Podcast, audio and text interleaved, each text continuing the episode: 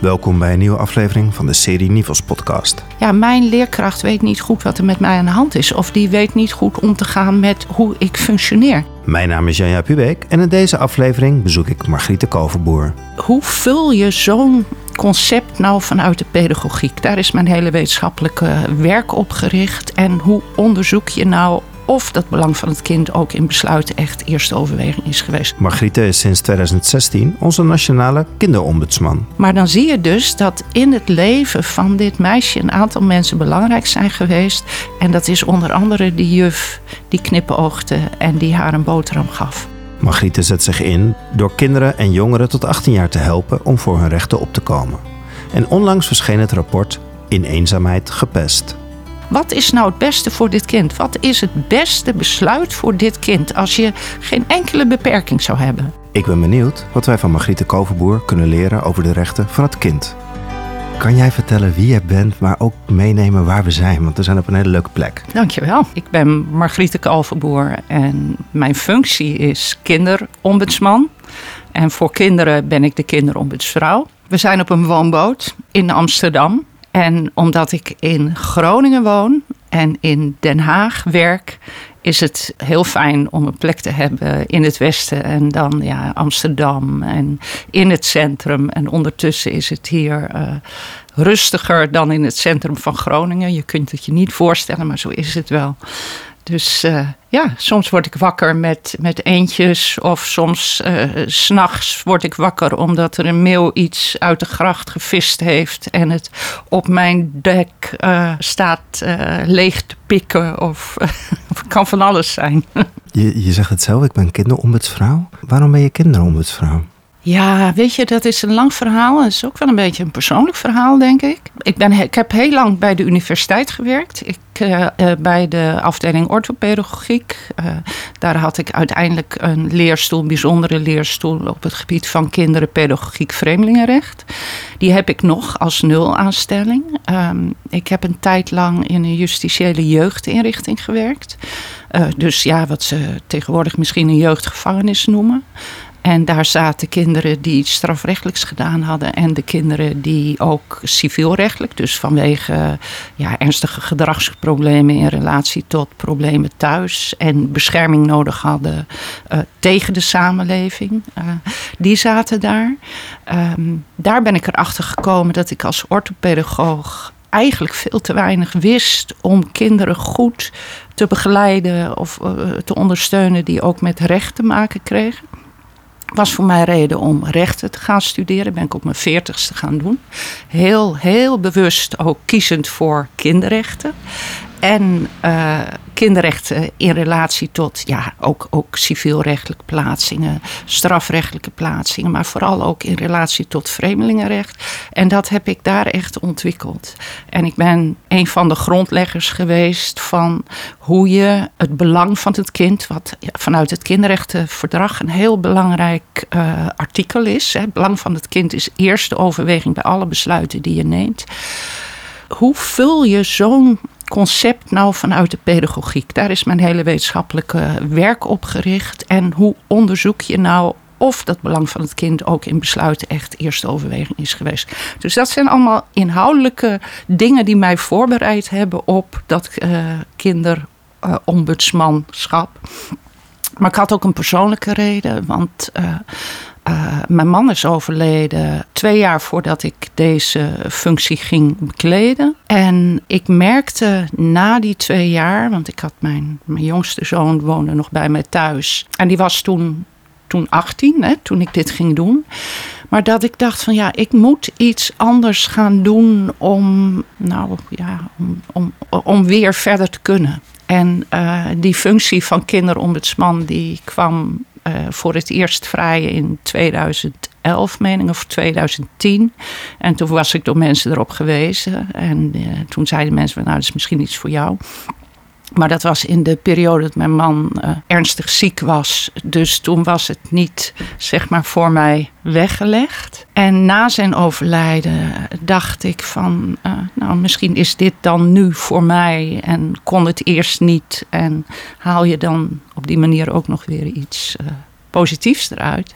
Plus, en dat, want dat is het persoonlijke, maar dat ik in, inmiddels zoveel ervaring en kennis en bagage had, uh, dat ik dacht van nou, ik kan het ook wel.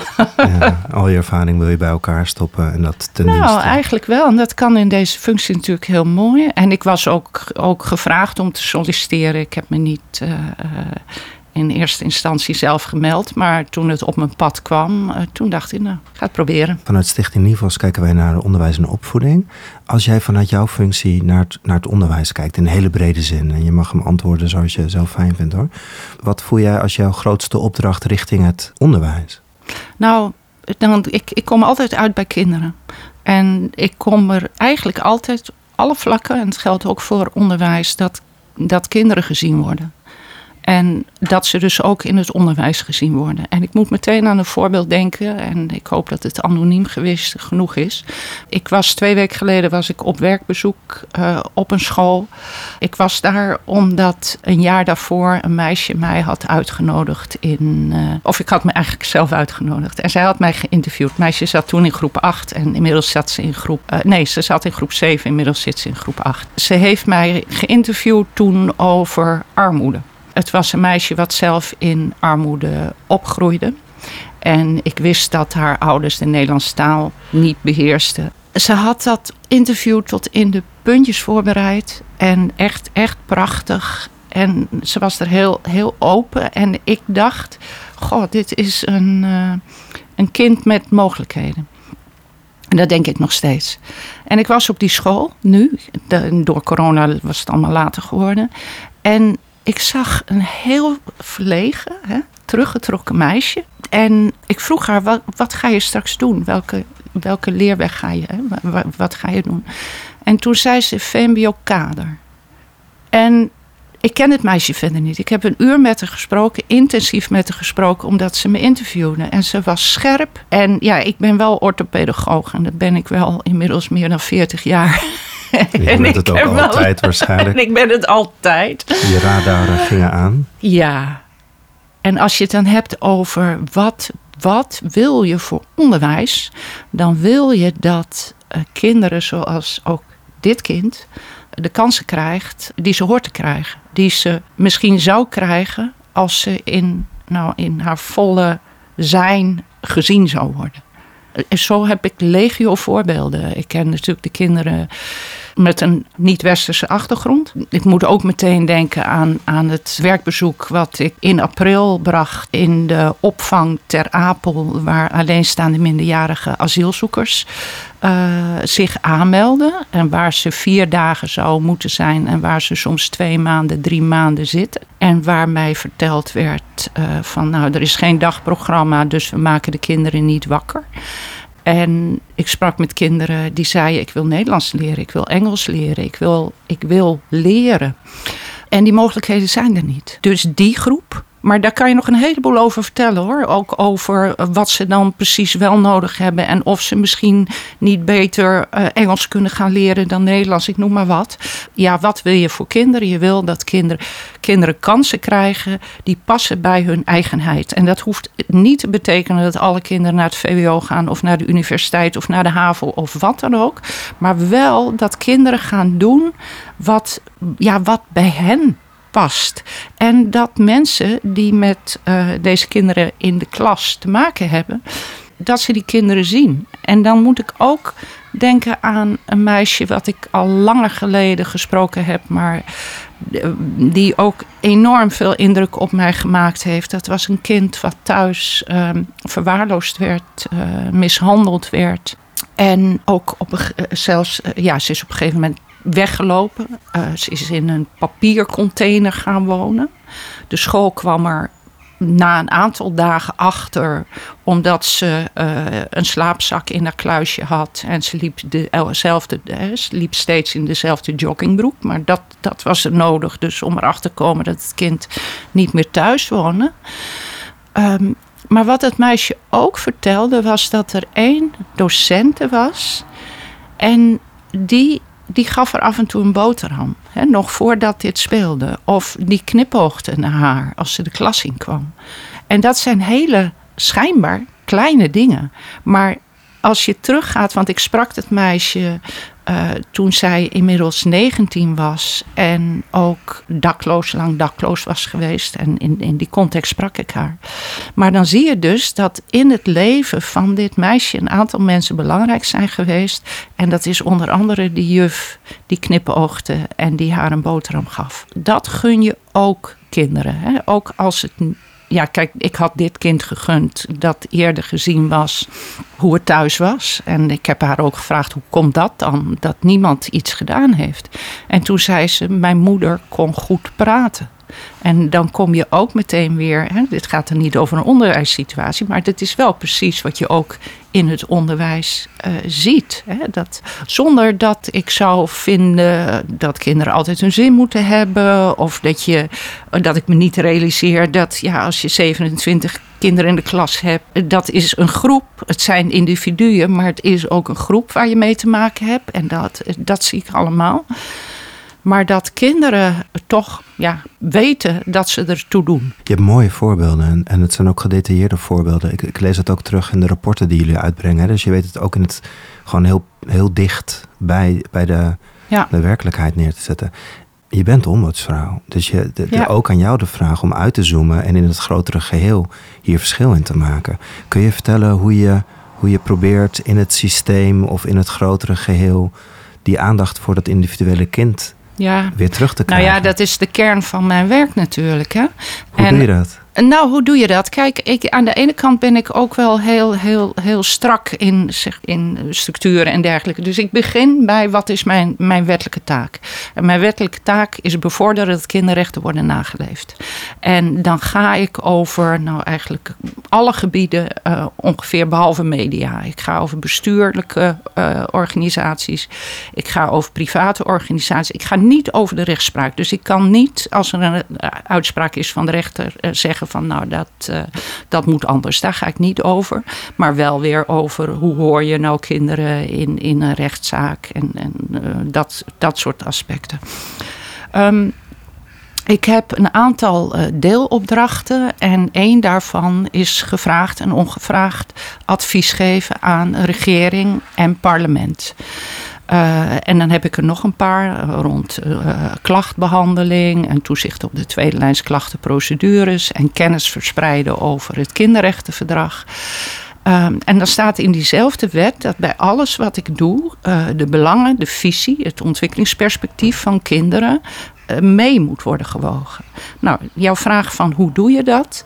Ik heb gemerkt toen ik in 2016 begon dat die visie van dat kind eigenlijk heel zelden wordt meegenomen. En ik heb uh, vanuit dus dat wettelijk kader gekeken naar wat zijn nou mijn opdrachten en wat vinden kinderen daarvan. Dus dat terugbrengen naar dat hogere abstractieniveau. Ik vraag kinderen op heel verschillende manieren. Van hoe heb jij het ervaren en hoe had je dat gewild? Hoe had je het gewild? Ja, dat klinkt misschien abstract, maar als ik een voorbeeld noem. Uh, we hebben een heel mooi onderzoek gedaan, vind ik hoor, bij kinderen met een ouder in detentie. Er zijn in Nederland 30.000 kinderen, gewoon per, gemiddeld per jaar, die in zo'n situatie leven. En ook daar hoor je over onderwijs de, ja, de meest uh, nare verhalen van kinderen. Hè? Dat op het moment dat je vader vast komt te zitten of je moeder vast komt te zitten. Dat je met bepaalde vriendjes of vriendinnetjes niet meer mag spelen. Dat er uh, onderwijzers zijn die anders uh, uh, naar jou kijken. Dat je opeens je hele leven, ja, het is gewoon helemaal weg. Want er is geen inkomen meer. Je, je, moeder, als het, het gaat toch vaak nog om vaders. Kan, geen, kan de opvoeding niet meer aan. jij wordt eigenlijk ouder voor je broertjes en zusjes. Je kan je van alles voorstellen. Maar dan vraag ik aan kinderen: hoe is het gegaan? En dan vanaf het moment dat je vader is opgepakt, tot je eerste bezoek in de gevangenis, tot het eerste verlof, et cetera. En hoe had jij het gewild? En dat, hoe had jij het gewild, dat leg ik vaak voor aan de mensen die de besluiten nemen. Als ik dan dat voorbeeld noem, uh, die presentatie die is gedaan door jongeren uh, die dus een ouder in detentie hebben.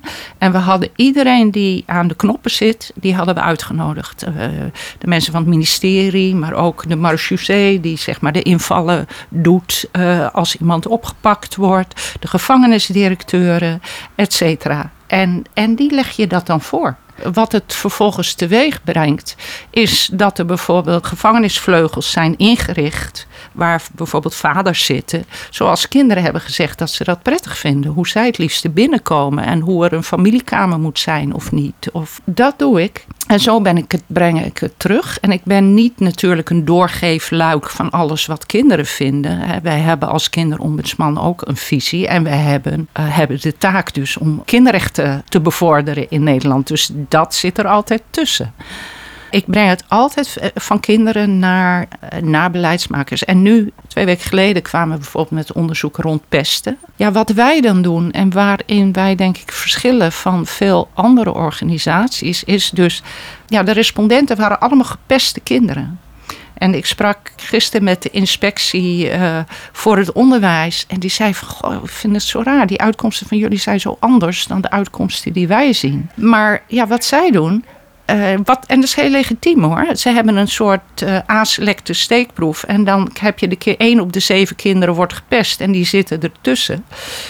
Maar wij hebben 443 kinderen gevraagd die, of die hebben gereageerd, die allemaal gepest worden dan vraag je aan kinderen: wat heeft jou geholpen? Of hoe vind je dat hulp eruit moet zien? Hoe vind je dat oplossingen eruit moeten zien? Weet je waarom je gepest wordt? Weet je waarmee je gepest wordt? En je gaat heel gedetailleerd daarmee verder. En dat is mijn wetenschappelijke achtergrond. Als ik onderzoek doe, dan wil ik goed onderzoek doen. Na zes jaar ken ik ook wel heel erg uh, de dynamiek. En ik weet echt ook wel dat je met slecht onderzoek ook heel goed de media kan bereiken. En, uh, maar dat wil ik niet. Dus wij hebben wel um, uh, binnen de kinderombudsman heb ik twee mensen vrijgemaakt die wetenschappelijk opgeleid zijn. En een is gepromoveerd en de ander is een onderzoeker.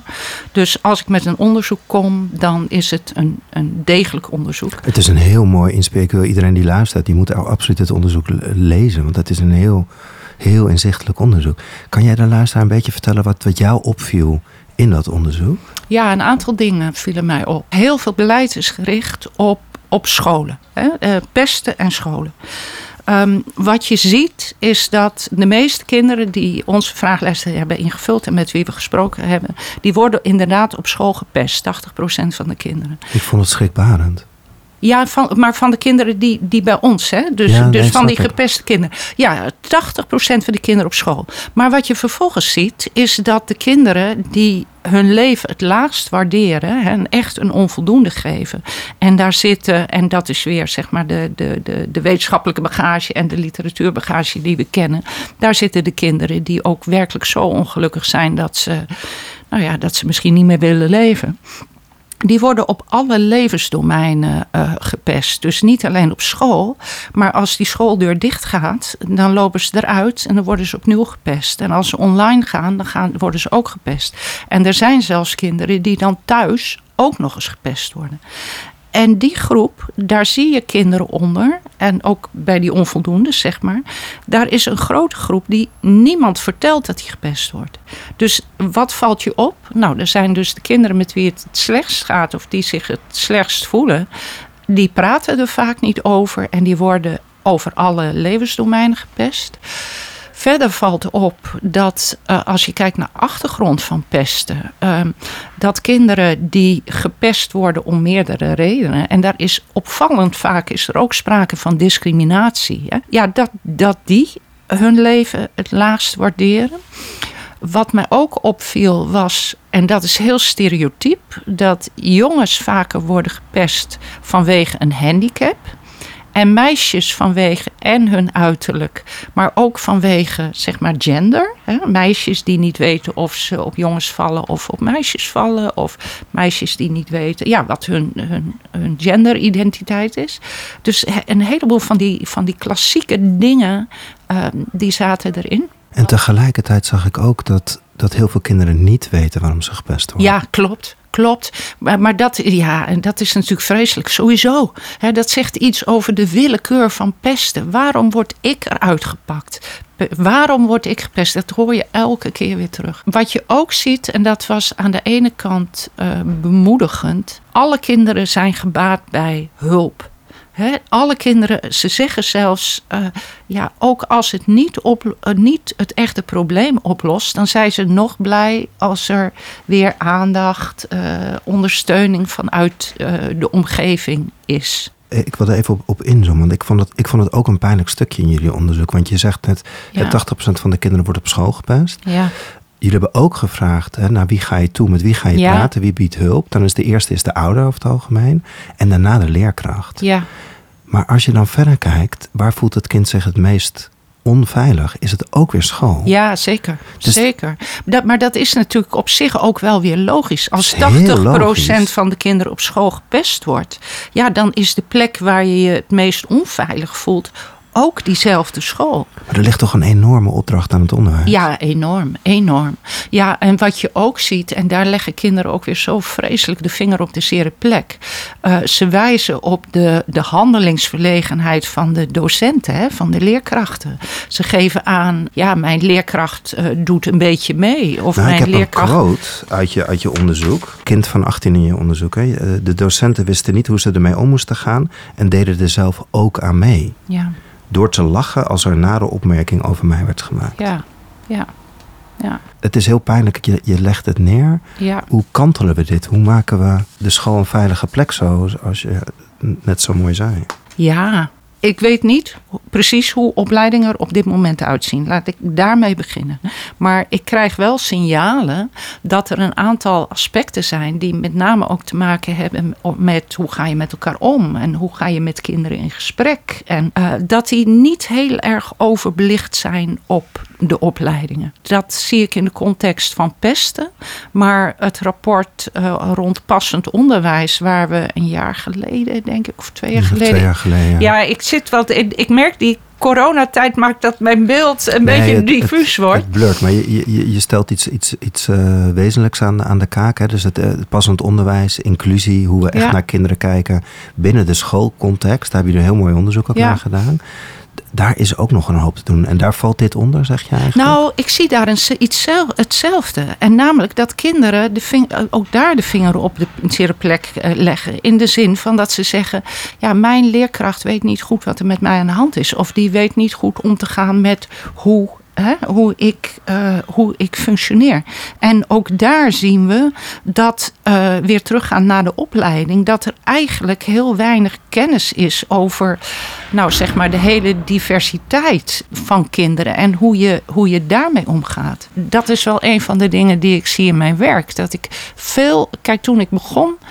Ehm, toen had ik met een aantal gebieden heel veel te maken gehad. Hè. Ik noemde het zo straks al: kinderen in jeugdstrafrecht, kinderen die met civiel recht te maken hebben, ernstige opvoedingsverzorgingsproblematiek, kinderen in het vreemdelingenrecht. Ik weet toen ik het onderzoek rond kinderen in het vreemdelingenrecht begon, dat ik dacht van ja, zoiets ergs heb ik nog nooit gezien, hè, zoals het daar gaat. En misschien is dat nog steeds zo, maar inmiddels heb ik gezien dat het op heel veel plekken, dat je, dat je dus dezelfde patronen ziet in vrijwel alle gebieden waar kinderen mee te maken hebben. En, daar, en, dan weer terug naar het passend onderwijs en dat pesten. Eh, het, het begint toch bij, ehm, bij, bij zien wat dit kind eigen maakt. Of wat. Ja, je hebt, eh, nogmaals, je hebt die groep kinderen waar je mee te maken hebt. Maar in die groep eh, zijn het ook allemaal individuen. En hoe kijk je dan naar het, naar het stuk, de, de minister die wil meer aandacht voor taal en rekenen, de opbrengsten, eh CITO-toetsen. Dat zijn echt wel de, de, de belangrijke kantelpunten in het leven van een kind die zo bepalend zijn. Die staan zo haaks op wat jij nu eigenlijk oproept. Nou, het is wel een beetje en en. Mijn vader, die leeft in, die is vijf jaar geleden overleden. Die was uiteindelijk hoogleraar klinische psychologie. Maar hij begon in het onderwijs. En dat begon eigenlijk, eh, dat was niet wat hij wilde. Uh, want hij was 16 toen zijn vader overleed. En toen kon hij niet naar de universiteit, want er was geen geld. En toen moest hij naar de kweekschool. En een van de eerste scholen waar hij stond was een school, een achterstandsschool in Zutphen. En ik weet, hij had 58 kinderen in de klas. Je kunt het je niet meer voorstellen, maar zoveel kinderen had hij in de klas. En hij vertelde ook uh, dat hij samen met mijn moeder, ze waren toen echt een heel jong stel, want hij, mijn vader was ooit het eerste hoofd, het jongste hoofd van de school van Nederland. En er moest ook dispensatie gevraagd worden voor dat hij dat mocht worden. Maar dan ging hij op, op, op zondagochtend mobiliseerde hij zo'n hele klas en hij zorgde ervoor dat er fietsen waren en dan gingen ze fietsen. En hij vertelde ook dat hij de kinderen die de zwanen de nek omdraaiden, dat hij die op de vogelnestjes liet passen, zodat uh, die vogeltjes uh, uitkwamen. dus, dus dat. Maar een van de dingen die hij ook zei, die basis, dat vond hij, en, en dan kom je op rekenen en taal, het goed onderwijs geven en echt ook goed die kernvakken, dat was een heel belangrijk punt. En dat was ook iets wat nou, misschien wel een soort van structuur gaf in de rest. Maar, maar die gelijkwaardigheid of het overaccentueren van het een of het ander, ja, daar liep het voor, volgens hem in spaak. Maar dat is het, dus voorbeeld. Over de balans. Ja, dan heb je het over de balans. Maar, maar de, de politieke balans is nu toch scheef? Nou ja, kijk, eh, je ziet natuurlijk verschillende dingen. Je ziet, kijk, ik noem het voorbeeld van mijn vader, omdat hij lang in het onderwijs heeft gezeten en op allerlei scholen heeft gestaan. En zijn eerste school was een school met heel veel kinderen die, die in achterstandssituaties zaten. En waar het echt belangrijk was dat taal en rekenen en structuur en basis die ze ook thuis niet hadden, dat ze iets kregen van wat zij uh, uh, thuis ook misten. En wat hen helderheid gaf en wat hen mogelijkheden gaf om door te groeien in een. Nou ja, in een, samen, in een volwassen. Voor die groep was dat hartstikke belangrijk. Later stond hij op een school, een, een ja, een, ik geloof dat ze toen, een, het was een Dalton school, waar enorm veel aandacht was voor, voor creativiteit, voor muziek, voor ontwikkeling. Waar, maar waar kinderen vanuit de basis die dingen, dat rekenen en taal, al meer meekregen. Dat zat zeg maar wel, goed bij die kinderen. En wat ik wil, wil zeggen is. Uh, als je weer kijkt naar eigenheid en als je weer kijkt naar verschillende situaties, dan is het wel afhankelijk van met welke kinderen je te maken hebt. Ik, ik noemde zo straks dat meisje VMBO Kader. Misschien had die er wel baat bij gehad als, als er een accent was geweest op goed taalonderwijs. Hè? Want vanuit haar achtergrond wordt zij juist, omdat zij die taal niet beheerst, snijdt dat voor haar allerlei wegen af. Uh, als ik kijk naar, naar kinderen die, die uit andere situaties komen, dan kan het maar zo zijn dat, dat de nadruk veel meer moet liggen op. Voor mij helder, je moet kinderen zien. Maar kinderen zien is ook kijken naar wat heeft dit kind nodig en hoe zorgen we ervoor dat die balans, want je noemde dat, je zoekt naar balans, dat die in evenwicht is bij deze groep kinderen. Zeg je daarmee eigenlijk ook dat het eigenlijk politiek best een een onmogelijke puzzel is, omdat het zo complex en divers is. En dat, dat er heel veel eigenaarschap ligt bij scholen of bij schoolbesturen, directie, nou, leerkrachten? Nou, niet, misschien niet specifiek. Ik, kijk, wat ik merk, uh, ook in het politieke landschap, uh, en of het nu gaat om onderwijs of om andere gebieden, ik vind dat, er, uh, dat het heel erg ontbreekt aan een soort van overkoepelende visie. Er wordt niet gewerkt vanuit een visie. En als ik kijk naar wat, uh, wat je zou doen vanuit het kinderrechtenperspectief, dan, dan draait alles om die, nou, wat ze dan noemen, holistische ontwikkeling. Hè, waar alle aspecten in zitten. Dat is fysiek, dat is cognitief, dat is mentaal. Dat zijn de creatieve processen. Daar moet een soort, ja, daar moet een, een balans zijn. En wat je wil met kinderen, of waar je naartoe wil met kinderen, is dat kinderen, uh, ja, dat is weer mijn eigen, hè, hoe leg je dat belang van het kind nou uit? Dat belang van het kind is dat een kind zich kan ontwikkelen, maar ook dat eh, een kind is niet iets of iemand die zich alleen maar ontwikkelt. Een kind is ook op het moment zelf uh, kind. Dus ook dat, dat zeg maar concrete leven van dag tot dag, dat moet. Hè, kinderen moeten, ik noem het dan maar, een fijne kindertijd hebben, een goede kindertijd beleven. En ze moeten zich kunnen ontwikkelen tot ja, mensen die, die erbij horen. Ik, misschien vind ik dat het belangrijkste, want dat is wat ik eigenlijk bij alle kinderen zie. Kinderen in passend onderwijs, of kinderen die gepest worden, of kinderen die met vreemdelingenrecht te maken hebben, of kinderen die mishandeld worden. Ieder, ja, kinderen, mensen zijn sociale wezens. En ik geloof dat ongeveer het ergste wat je kinderen of wat je mensen kan aandoen, is uh, ze uitsluiten maar zo'n soort hè, visie van wat, wat vinden wij, wat willen wij kinderen, wat gunnen wij kinderen die in deze samenleving opgroeien. Ehm, die, dat is niet de basis van beleid. En dat zou in mijn optiek wel moeten zijn. Nee, absoluut. En ik denk ook dat er niemand s ochtends wakker wordt en denkt: ik ga kinderen bewust uitsluiten. In jouw rapport over pesten, maak ik even dat bruggetje terug. Hebben jullie onderzoek gedaan naar welke programma's er zijn. Ja. En ik geloof dat er 63 pestprogramma's op scholen zijn, waarvan er maar drie effectief blijken te werken. Ja, nou ja, dat onderzoek hebben wij zelf niet gedaan, maar dat, er is wetenschappelijk onderzoek naar gedaan. Hè. Eh, volgens mij is dat Robio de Castro geweest die dat onderzoek geleid heeft. Er zijn heel veel anti-pestprogramma's, maar de meeste zijn niet bewezen effectief. Scholen hebben de vrijheid om ook niet bewezen effectieve programma's te gebruiken. En dat klinkt natuurlijk toch wel een beetje bizar.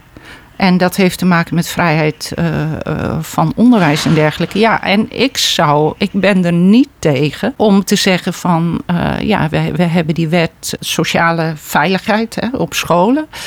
dat je scholen ja, dwingt om wel te werken met programma's waarvan we ook weten dat die werken. Aan de andere kant vind ik het soms ook wel weer een beetje lastig. Waarom? Ik hou niet zo erg van het inperken van ruimte. Ik hou er ook niet, als ik bijvoorbeeld naar mijn eigen functie kijk, ik doe dat ook op een manier die past bij hoe ik ben. En, en uh, dat betekent, en dat ben ik met mijn hele achtergrond. En als je kijkt naar opleidingen, dan is dat uh, recht, pedagogiek, kunstacademie. En dat neem ik allemaal mee.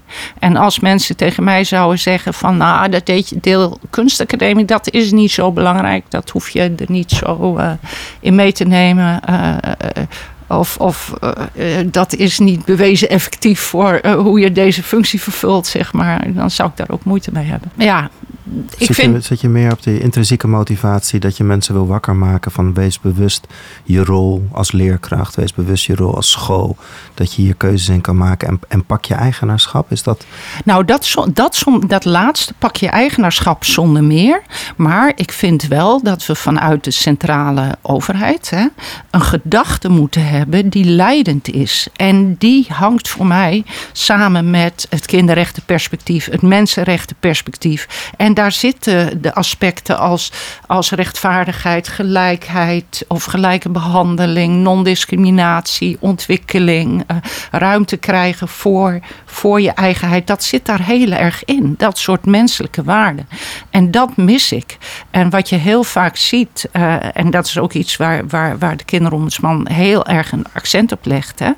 Um, ik heb het steeds over dat artikel 3. Dat belang van het kind is eerste overweging bij alle besluiten die je neemt. Als ik met mensen praat, dan zeggen ze: Oh, dat doen wij al lang. En dan ga je het afpellen. En dan blijkt dat er heel veel wat wij dan noemen overige belangen zijn. Namelijk, wat kost het? Uh, kunnen wij het managen? Hoe is het voor de leerkracht? Hoe is het voor de school? Et cetera. Die staan vaak op één. Terwijl als je kijkt vanuit een kinderrechtenperspectief, dan onderzoek je eerst eigenlijk, wat is nou het beste voor dit kind? Wat is het beste besluit voor dit kind als je geen enkele beperking zou hebben? En vervolgens kijk je naar wat zijn dan de beperkingen? Hè? Wat maakt dan dat we mogelijk niet kunnen doen wat het beste is voor het kind? En dan maak je de afweging. En in die afweging moet dat belang van het kind een eerste overweging zijn. Dat betekent niet dat het altijd voorgaat, maar het moet de belangrijkste overweging zijn om iets te doen. En als je het vervolgens niet doet, dan moet je het extra uitleggen. Dan moet je extra motiveren waarom je voor organisatiebelangen gekozen hebt. Waarom je voor belangen van, van docenten of van ouders of van financiën gekozen hebt. En dan moet je ook de mogelijkheid geven om daar tegen in te gaan. En de mensen die ik spreek, die heel vaak zeggen: Oh, het belang van het kind, dat doe ik al lang. Die hebben dat hele belang van het kind niet onderzocht. Die hebben niet eens. makkelijk over. Hier hebben je een monitor voor gemaakt, hè? dus een, een, hulpmiddel om je als school hierbij te. Heb je misschien ook een mooi voorbeeld hierbij? Dat er echt vanuit het belang van het kind op één gedacht wordt? Nou ja. Of hoe kan een school dit gebruiken? Nou, ze kunnen het heel goed gebruiken in, in, ja, ook in individuele besluiten die ze nemen. Maar ze kunnen het ook gebruiken in hun, hun algemene beleid. Het, het, het geeft heel in, helder inzicht in hoe je je keuzes maakt. En als je dan weer kijkt. Er komt net een schoolklas langs, volgens mij. Die met een bootje. Varend door de gracht. Varend, ja, dat is ook een mooi onderdeel van onderwijs. Zo zie ik dat dan maar weer. Kijk, wat dat kinderrechtencomité aangeeft, is als je belangen van kinderen wil onderzoeken, dan kijk je altijd naar wat betekent een besluit voor de kwetsbaarheid van het kind, voor de identiteit van het kind, voor zijn nou ja, medische uh, situatie, voor uh, onderwijs, gezinsrelaties. En wat, wat vindt het kind er zelf van? En dat neem je mee. En dat neem je mee in je grote beleid, in je uitgangspunten. En dat neem je ook mee in je individuele beslissingen. Ja, ik moet even lachen, want ik zie hier van alles. Ik denk dat ze plastic aan het vissen zijn. Oh, is dat zo? Als jullie er nu niet zouden zijn... plastic whale. En de plastic whale die haalt plastic uit de grachten. Ja. En deze kinderen, dat zijn schoolkinderen, die halen het eruit. En met dat plastic recyclen ze ja. en maken ze nieuwe producten. Ja, je kan, uh, je kan meevaren en uh, je kan ze helpen. En ze halen enorm veel plastic uit. Is dat een speciaal initiatief in Amsterdam? Ja, en ze zitten in Amsterdam-West. En ze maken van dat plastic maken ze bestuurstafels, bestuurstoelen. Oh, fantastisch. Dus... Ik nou zo bijzonder vind, hè? Want, want klimaat is, is een heel groot issue. Iedere twee jaar vragen wij kinderen uh, in, in onze vragenlijst, die nu trouwens ook uh, uitstaat. wat zou jij nou doen als jij kinderombudsman of vrouw zou zijn? Ik heb in de afgelopen jaren nog nooit iets gehoord bij kinderen over klimaat. De kinderen die ons vragen. Eh, ons. En dat, dat vind ik zo, zo bijzonder, omdat uh, het wel heel erg leeft uh, op andere gebieden. Maar bij ons zeggen kinderen, en dat, dat heeft mogelijk ook wel meer uh, te maken met dit onderwerp de eerste keer dat ik het ze vroeg, in 2016, zeiden ze: Doe iets aan stress in ons leven. Doe iets aan schoolstress, met name. En ik weet, ik ging toen naar de toenmalige staatssecretaris voor onderwijs. En ik zei, nou ja, dit hebben zo'n 500, 600 kinderen gezegd. Uh, van de, uh, ik denk dat er toen 1400 waren die de vraaglijst hadden ingevuld. Um, herkent u dit? En toen zei hij, nee, zesjescultuur. Dat hebben wij hier in, in Nederland. Nu, de laatste keer, we, ik zei net, we zetten hem nu weer uit, maar in 2020 ehm, kwam er vooral uit dat kinderen, en ook kinderen die, die hun leven hoog cijfers gaven, zeiden: Doe iets aan mentale gezondheid. Doe iets, eigenlijk, ja, nu noemen ze het mentale gezondheid, maar ik denk dat dat aspect van ja, stress dat dat daar nog steeds uh, enorm uh, in zit. Dus dat zie ik wel, dat milieu zie ik niet. En wat je, en dan weer terugkomend even op onderwijs en die kansenongelijkheid. En wat gun je kinderen nu? Ik zie een enorme ik zou zeggen, tweedeling in hoe kinderen hun leven ervaren. En dan zie ik dat de kinderen die over het algemeen hoger opgeleid zijn, dat die ten onder gaan aan stress. En dat is stress die ze uh, voor een deel uh, zichzelf opleggen.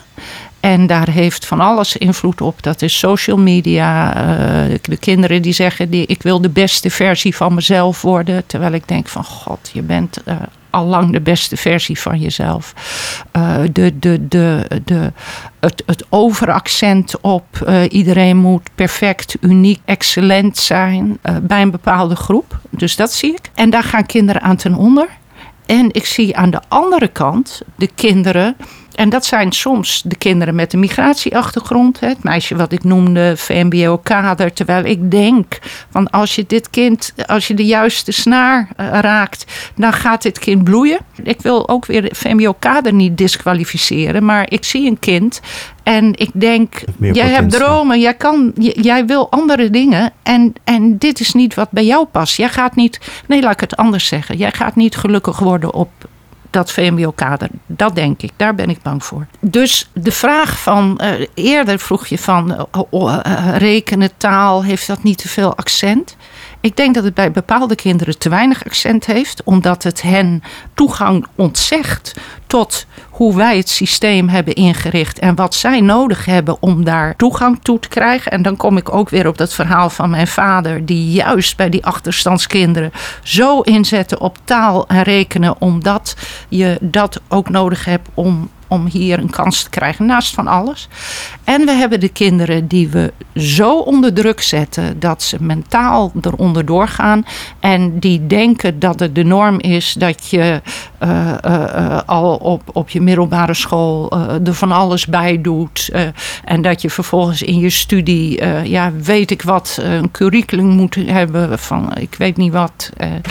om, om te komen op de plek die je wil wat gun jij de kinderen in ons onderwijs? Of wat kan naar de toekomst toe, misschien vanuit leraaropleidingen, misschien vanuit nou, dit soort verhalen. Wat gun jij de kinderen en wat kunnen wij doen in het onderwijs om. Nou, het eerste wat in mij opkomt, maar dat gun ik de docenten ook. Dat is iets van ruimte en ontspanning om te kunnen doen uh, wat ja, wat, wat je wil, namelijk kinderen onderwijzen en, en kinderen creativiteit bijbrengen. En, of bijbrengen. Kinderen hebben creativiteit. Kinderen creativiteit niet laten verliezen. Maar ook de ruimte voor, nou ja, echt dat, dat, dat schoolse leren, wat ook nodig is, maar die hele brede ontwikkeling, de, de nieuwsgierigheid die kinderen hebben. Ik vind wat, je net, hè, wat ik net zag, die kinderen die daar in, in, in, in de gracht dan uh, het plastic eruit halen, ja, dat gunnen kinderen ook. Eigenlijk ruimte om vooral om zichzelf te kunnen zijn en te kunnen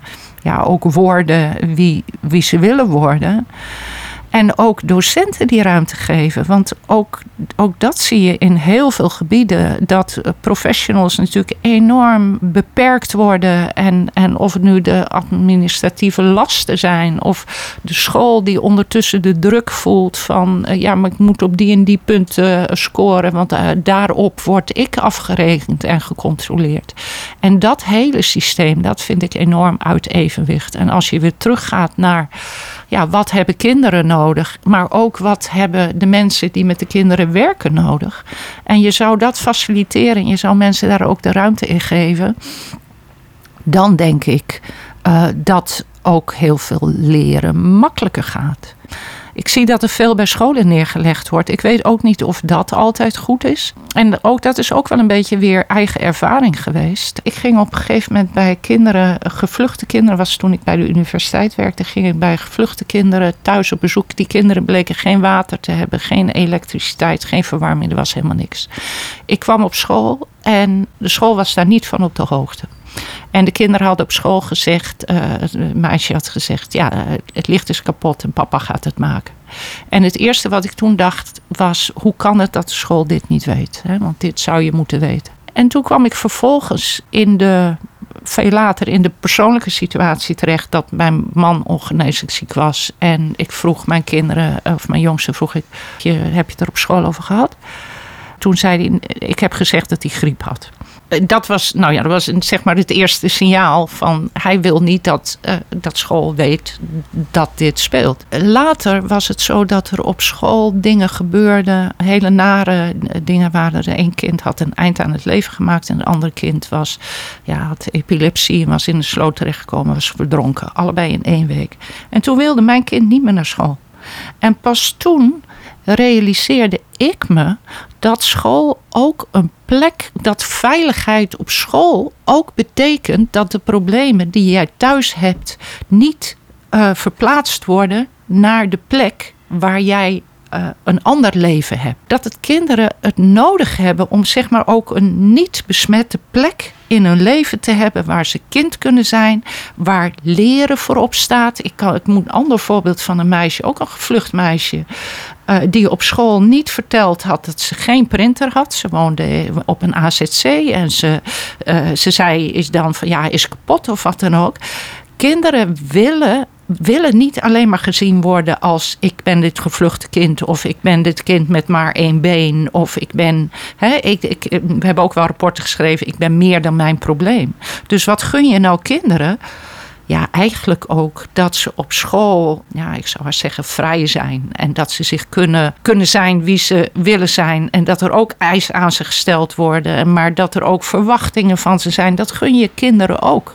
dat jij iets ja, dat, je, dat je ook gezien wordt wat jouw potentie is, maar ook gezien wordt ja, wie jij op dit moment bent. Vanuit veiligheid. Ja, zeker, zeker. Daar moet je veiligheid voor hebben. En daar is ja, de, de voorwaarde voor veiligheid is een, een pedagogisch klimaat wat, uh, ja, wat, wat veilig is. Ja.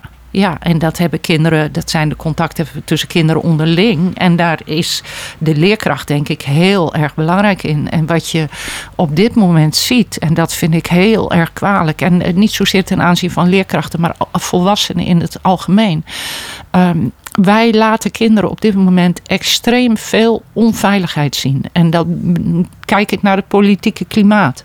Als je ziet hoe, hoe, hoe mensen met elkaar debatteren, hoe politici, uh, hè, hoe er ook scholen zijn die zeggen van nou, ik wil die rondleidingen naar de Tweede Kamer niet meer. Want dit is niet hoe wij kinderen. Uh, uh, ja, willen voorleven. Of dit is niet wat wij kinderen willen laten zien. En en dat zie je uh, in ons beste onderzoek. Op het moment dat een leerkracht mee gaat doen, dan eh, raakt dat aan onveiligheid. En wij zijn, en ik zie het nu in de protesten van, van, van de boeren. Ik weet niet wanneer dit uitgezonden wordt, maar hoe beangstigend is het dat als iemand, als je het ergens niet mee eens bent, dat je dan je gelijk gaat halen op een manier die ja, die onveilig moet zijn. En dan hebben we natuurlijk ook gewoon een hele, hele internationale situatie met een oorlog in Oekraïne. Of we hebben corona gehad, um, waar we aan de ene kant veiligheid voorop stelden, maar waar we bij kinderen eigenlijk hebben gezegd van uh, impliciet van, nou ja, onderwijs is niet zo belangrijk, want de scholen kunnen wel dicht. Dat draagt allemaal bij aan gevoelens van onveiligheid. En, en daar moeten wij als volwassenen in ons eigen, zeg maar, particuliere leven, maar ook natuurlijk als je voor de klas staat of als je ouder bent, daar moet je je veel meer van bewust zijn en, uh, dan we nu zijn. Mooi einde. Mag ik je dan ontzettend bedanken voor ontvangst op je schitterende boot, op een mooie plek. En voor dit persoonlijke verhaal. Dankjewel. Graag gedaan. Deze podcast is er eentje uit de Nivels podcastserie. Stichting Nivels sterk leraren en schoolleiders bij de uitvoering van hun pedagogische opdracht. Het Nivels opereert langs vier pijlers. De Nivels opleidingen, het Nivels podium, het online platform Het Kind en de Nivels Denktank. Like deze podcast of geef een aantal sterretjes mee, zodat meer mensen deze podcast makkelijker kunnen vinden. Meer podcasts zijn ook te vinden op www.nivels.nl/podcast. Hoe dan ook, we nodigen u graag uit voor een volgend gesprek in deze serie